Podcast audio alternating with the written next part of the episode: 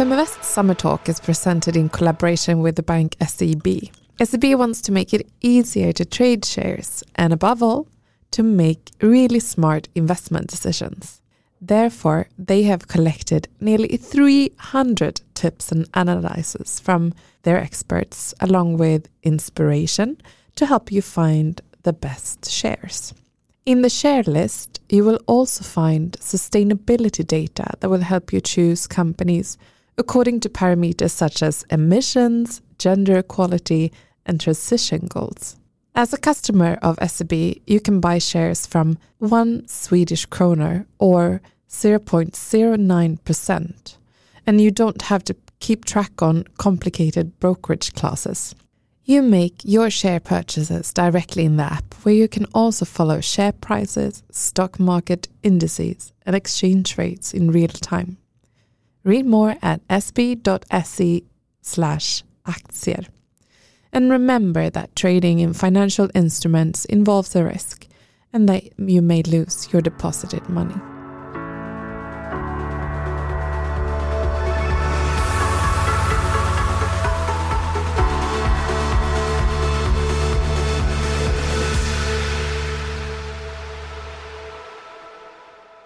Highway to Hell föreslog jag till min syster. Vi spånade på låtar som skulle spelas på vår pappas begravning. Efter att ha dött i sviten av alkoholism var det dags för mig och mina två syskon att styra upp en begravning. En begravning för en människa vi inte haft kontakt med på 20 år. Jag brukar säga att jag föddes med en silversked i mun. Ute på en åker, omringad av en till synes lycklig familj. De första sju åren av mitt liv kan jag bara minnas lycka. Hur vi sprang i de stora vattenspridarna på åkern, trots mammas förbud eftersom det var åvatten. Vi red på både grisar och hästar på granngården och cyklade runt, runt i byn. Men sen kom den omtalade 90-talskraschen och pappas bolag gick i konken. Och därmed även vår familj. De kommande tio åren var en enda lång kaos med Kronofogden, konstant oro och den förbannade alkoholen. Nu ska inte detta sommarprat handla om misär, ångest och alkoholism. Men vi kan ju konstatera att jag, Charlotte, blivit formad som människa, ledare och mamma i allra högsta grad. Sen var det ju det där med Highway to Hell. Lite svart humor kan väl aldrig vara fel tyckte jag och min syster, medan vår bror lyckades sansa oss. Jag kan faktiskt inte minnas vilka låtar som till slut spelades på den där begravningen. Som såklart inte skedde i kyrkan eftersom pappa inte var med i kyrkan. Och det valet var ju såklart inte av religiöst ställningstagande. Utan enbart i vetskapen om att det kunde bli några tior över i deklarationen att lägga på tetrapacksvin. Men tur var det väl att vi till slut spelade någon traditionsenlig låt. Inte minst för att respektera vår gamla farmor som varken förtjänade en alkoholiserad son eller tonerna av Highway to Hell. Nu är ju den här podden istället inriktad till stor del till kvinnor. För vi får ju konstatera att kvinnor som ledare och investerare fortfarande är en bristvara. Har jag svaren på det? Nej, det har jag tyvärr inte. Däremot kan jag konstatera en väldigt viktig sak. Och det är att vi mår så extremt mycket sämre. Svenska folket mår sämre för varje år som går. Och inte minst kvinnorna mår sämre. År 2021 var kvinnors sjukskrivningstal 81% högre än männens. Och det är inte längre cancer och hjärt och kärlsjukdomar som gör att vi blir sjukskrivna. Nästan 70% av alla sjukskrivningar är kopplade till mental ohälsa. Vad är det för samhälle vi skapat? Där vi egentligen har det bättre än någonsin. Men där vi mår sämre och sämre. Och inte bara mår vi sämre och sämre. Vårt IQ har dessutom börjat gå ner. Vi blir alltså trögare och trögare. För varje månad som går är det fler och fler barn, tonåringar och vuxna som söker hjälp för utmattning, ångest, oro och sömnproblem. När jag även får rapport om att självskadebeteendet bland unga tjejer rusar, ja då känner jag att nu får det väl för helvete vara nog. Vad är det för ett samhälle vi har skapat där vi egentligen har alla möjligheter till att må bra istället mår så vansinnigt dåligt. Digitalisering och AI i all ära. Herregud, jag har ju själv börsnoterat ett techbolag och tycker att IT ger oss möjligheter vi ju bara kunnat drömma om. Men samtidigt är det inte någonstans dags för oss att se oss själva i spegeln och fundera över vad det egentligen är som händer. Generation Pep matar ut budskapen om att barn och ungdomar inte mår så bra. Anders Hansen berättar högst pedagogiskt hur bristen av fysisk rörelse påverkar våra hjärnor. Maj-Lis Elenius, livsstilsprofessorn, lär oss om hur stor inverkan våra levnadsvanor har på vårt välmående. Och ändå händer absolut ingenting. För visste ni att 80% av alla hjärt och kärlsjukdomar, 50% av diabetes typ 2, uppemot 50% av all cancer och 40% av minnesstörningar och demens skulle kunna förebyggas med en hälsosammare livsstil. Det är som att vi alla har satt oss i baksätet i en skenande bil. Rakt mot highway to hell.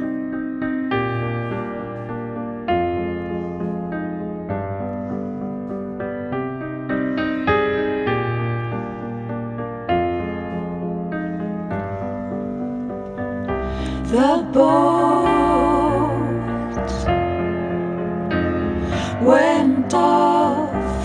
shore. The snowflakes melted on my cheek.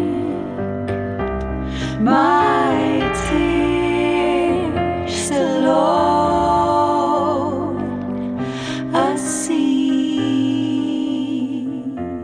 Vi har ju liksom skapat en värld, inte minst bland kvinnorna, där perfektionismen är det enda som gäller. Ett maraton i evighetspress och stress för att vara den ultimata ledaren, chefen, kollegan, mamman, partnern och vännen. Allt ska dessutom broadcastas ut i etern för att sätta ytterligare press på varandra. Hälsoklyftorna ökar, inte minst i Sverige. Det som vi har gemensamt minskar. Detta innebär i praktiken att samhället har delats upp i två delar. De som tar levnadsvanor på yttersta allvar och ska både träna tio gånger i veckan, äta so sockerfritt och veganskt, baka allt bröd själv och för guds skull inte bröd gjort på vetemjöl utan på någon högst oklar mjölsort som garanterar att den ska sätta sig runt midjan. Aldrig dricka alkohol och på toppen av allt ska man yoga 20 minuter varje morgon till någon guru på YouTube som jag inte ens kan uttala namnet på. Eller så har man helt vägrat ta matriarkatet av perfektionismen och nästan i någon form av protest ersatt all form av sund relation till levnadsvanor med stillasittandet och intar alla typer av livsmedel som inte varken ökar hjärncellerna eller motivationen till att göra någonting vettigt. Sen kan vi inte heller blunda för det faktum att sunda levnadsvanor i många fall kräver en viss typ av ekonomi.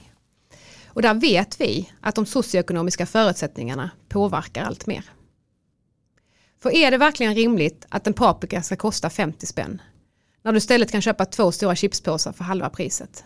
Jag förstår att detta är som att sparka in öppna dörrar eftersom vi inte annat än debatterat detta i Sverige det senaste halvåret. Men är inte det typiskt Sverige? Vi för högljudda debatter om både det ena och det andra men i slutet så sker det ingenting. Sen är det ju det där med sans och balans. Vad har hänt med landet lagom? För det är väl exakt det som är det bästa. Lagom. Ingen mår väl bra av att sätta press på att leva ett konstant prestationsmod. Och där det finns så enormt mycket skam och skuld kopplat till sättet vi lever. Det går faktiskt att äta, vila och röra på sig utan att det ska bli extremt och något av hållen. Ungarna kommer inte dö av att äta Skogaholmslimpa till mellis och inte heller av att äta Mamma Scans köttbullar. Men de kommer med största sannolikhet inte må så där himla bra om de sitter stilla framför en skärm dagarna ända. Det är ett faktum. Och detsamma gäller ju oss vuxna. Vi vet att vi är lata i grund och botten och det hade varit så himla skönt att hänge oss till att slappa i soffan varje kväll. Men det vi någonstans har glömt längs vägen är ju att våra val kring våra levnadsvanor är direkt kopplade till vår hälsa och välmående. Och det är ju ingen som kan motsätta sig det faktum att digitala verktyg och sociala medier har lett till att vi mår sämre. Eller hur? För ett och ett halvt år sedan fick jag frågan av hockeylegendaren Mats Sundin om jag ville jobba med visionen att påverka folkhälsan. Efter att ha hört Mats berätta om EMR var jag såld direkt. För mig var det inget annat än en självklarhet att det var precis det här jag skulle hänge mig åt. Tillsammans med Sveriges och därmed världens ledande forskare har EMR tagit fram verktyg för både organisationer och människor att arbeta strategiskt och långsiktigt med sin hälsa. Vi brukar säga att DMR är motsatsen till alla de korta tomteblås som fluktuerar på marknaden. Både organisationer och människor tenderar att leta efter en så kortsiktig investering som möjligt. Och den här investeringen, som gärna ska pågå i 30 dagar, ska sedan leda till att man mår kanon resten av året. Det arrangeras lopp och stegräknartävlingar där de redan frälsta deltar. Och som privatperson så letar man olika utmaningar som utlovar sexpack och stenhårda rumpor på bara några veckor. Finns det verkligen några vetenskapliga belägg för att detta fungerar? Det tror jag vi alla vet svaret på. Men varför tenderar vi då att fortsätta leta efter de snabba lösningarna? Det är en fråga som är så svår att besvara. Men det hör antagligen ihop med att vi inte heller längre kan vänta på intron i serier på Netflix utan måste frenetiskt trycka på snabbspolningsknappen för att spara 22 sekunder. På EMR brukar vi säga att vi finns till för att varje människa ska kunna ha en krockkudde som gör att man kan tåla tuffa perioder i både jobb och privatliv. Men ändå klara av det med både den mentala och fysiska hälsan i behåll. Som gör att man kan hitta en avknapp i det hetsiga samhället vi skapat och emellanåt känna ett lugn. Är det inte dags att näringslivet inser att deras medarbetares hälsa är direkt avgörande för företagets framgång? Och därmed också borde ta ett större ansvar för att säkerställa att de har hållbara medarbetare. Eftersom det gynnar företaget, individen och samhället i stort.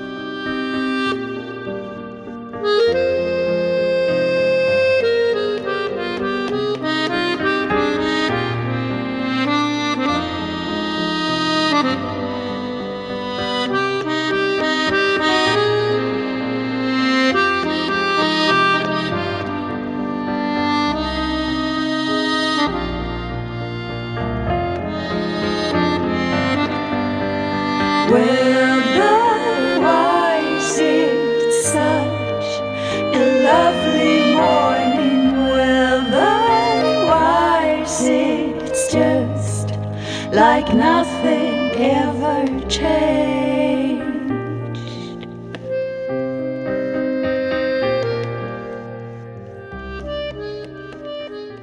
Min kanske största mentor här i livet är min gode vän Anders. Vi krokade arm för över 20 år sedan genom vår stora passion innebandy. Och sedan dess har jag törstat efter Anders visdom. Anders var den första som förklarade skillnaden mellan person och prestation för mig. Efter min pappas alkoholism hade jag svårt att se någon skillnad på detta. Jag hade ju under hela min uppväxt försökt bevisa för både mig själv och omvärlden att jag var kapabel. Trots att hela byn skvallrade om pappan som låg hemma på soffan. Men vem är jag då egentligen utan prestationen? Och vilka värderingar står jag för? Vem vill jag vara som ledare, mamma, fru och vän? Som inte är kopplat till värderingen av aktiekursen eller hur mycket ett bolag omsätter. Så för att vara en så kallad företagsledare, mamma, fru och vän, har jag med åren insett att mitt största ledmotiv här i världen är att det är inte så jäkla noga. Ni kan till och med fråga mina barn vad deras mamma brukar tjata om. Så kommer de säga just de här orden. Det är inte så jäkla noga.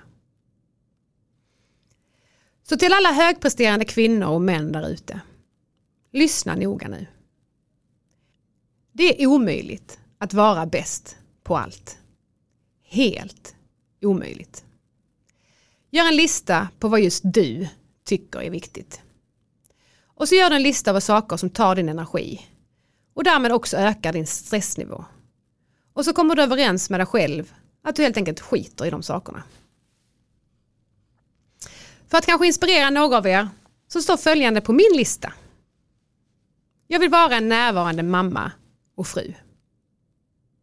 Jag vill känna ett enormt engagemang till jobbet. Och jag vill hinna röra på mig ett par gånger i veckan. Och gärna tillsammans med vänner, för då tycker jag att det är betydligt roligare. Det är mina tre högsta prioriteringar. Detta innebär alltså att följande saker inte står på min lista.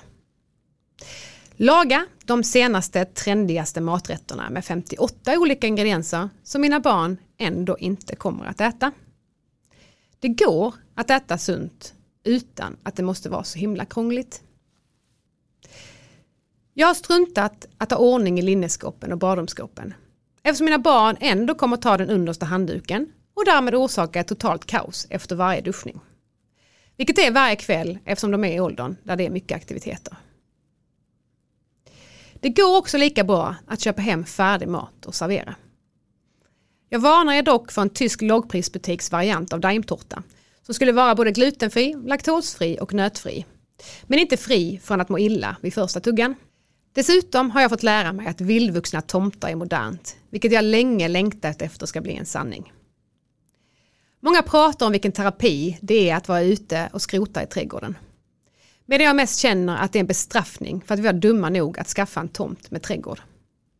Så nej, hos oss är det inga bonsaiträd och raka kanter på gräsmattan.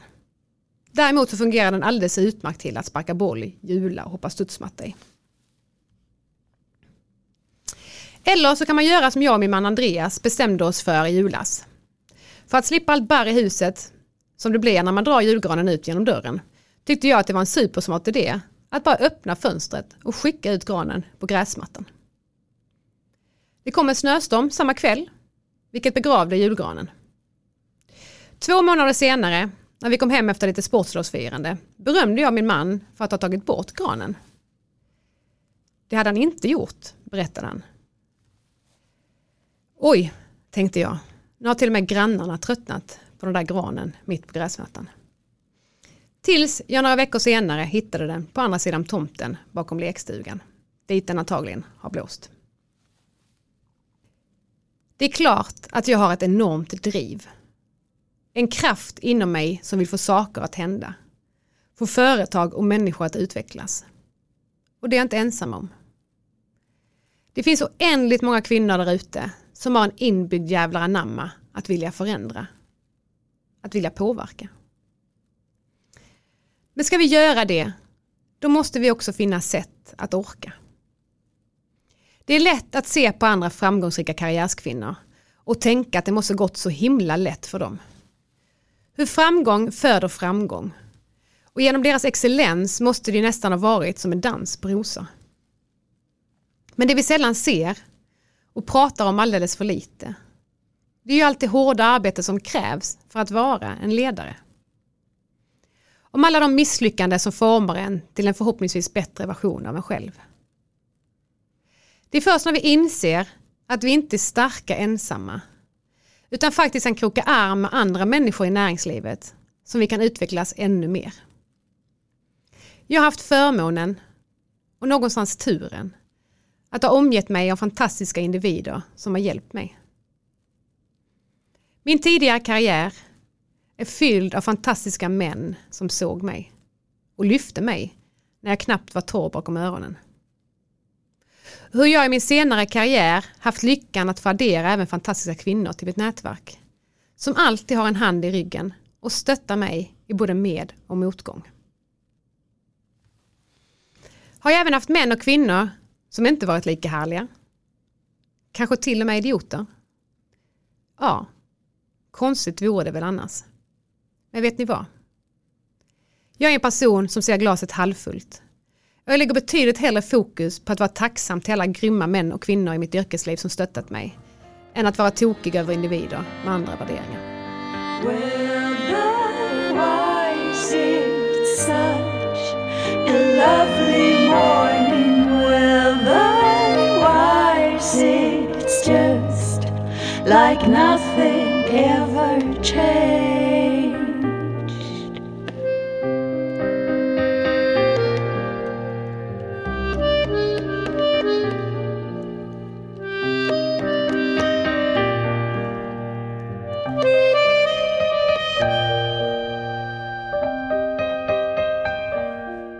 Jag är högljudd. Talar ganska ofta innan jag hinner tänka efter. Skrattar alldeles för högt åt det mesta. Min bil går under namnet Discobilen. Då jag tycker att det är en rättighet att spela töntiga låtar på högsta volym när jag kör genom kvarteren. Vilket säkert är provocerande för många välkammade familjer i Täby. Men ack så roligt för mig, barnen och deras polare. För vet ni, det är ju faktiskt inte så jäkla noga. Det hela handlar väl ändå om att göra de sakerna som man vet gör en lyckligare. Vem är jag utanför prestationen, det materialistiska och framgångarna? Vem är jag? Hur vill jag uppfattas? Och vad vill jag bidra med? Nu har inte jag rapat upp mitt CV, då jag inte tycker att det är titlar eller prestationerna som är det viktiga här i livet. Det är istället andra saker som jag tycker är viktigast i min roll som ledare och där många, inte minst kvinnor, upplever en stress över vem de egentligen ska vara som ledare. I mitt ledarskap anser jag att det är en rättighet att skratta med mitt team. Minst tio gånger varje dag. Testa på att kramas med alla i din omgivning, även dina kollegor. Vi alla behöver så mycket värme vi kan få i dessa tider. Det är okej att vara skör och att vara stark. Det är okej att ha starka åsikter, men det är samtidigt okej att inte ha några åsikter alls. Ta beslut. Låt andra ta beslut. Se dina kollegor, vem de verkligen är och inte bara vad de presterar.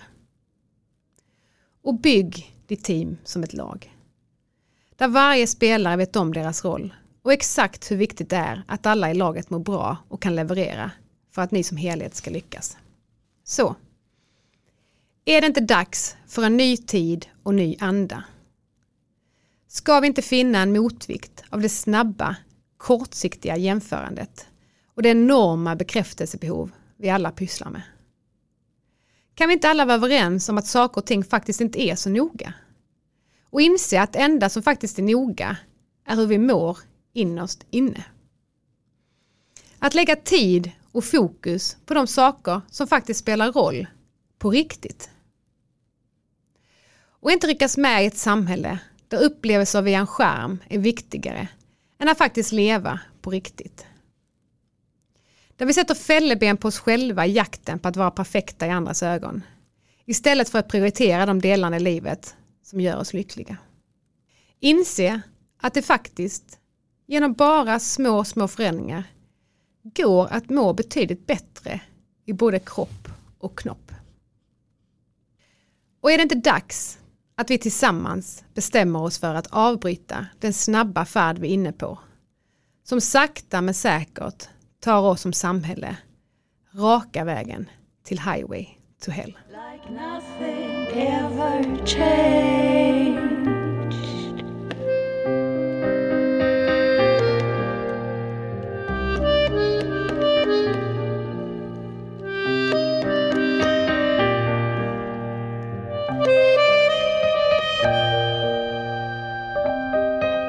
Musiken i sommarpratet är av artisten Annika Vargas Storm med låten Like if nothing ever changed.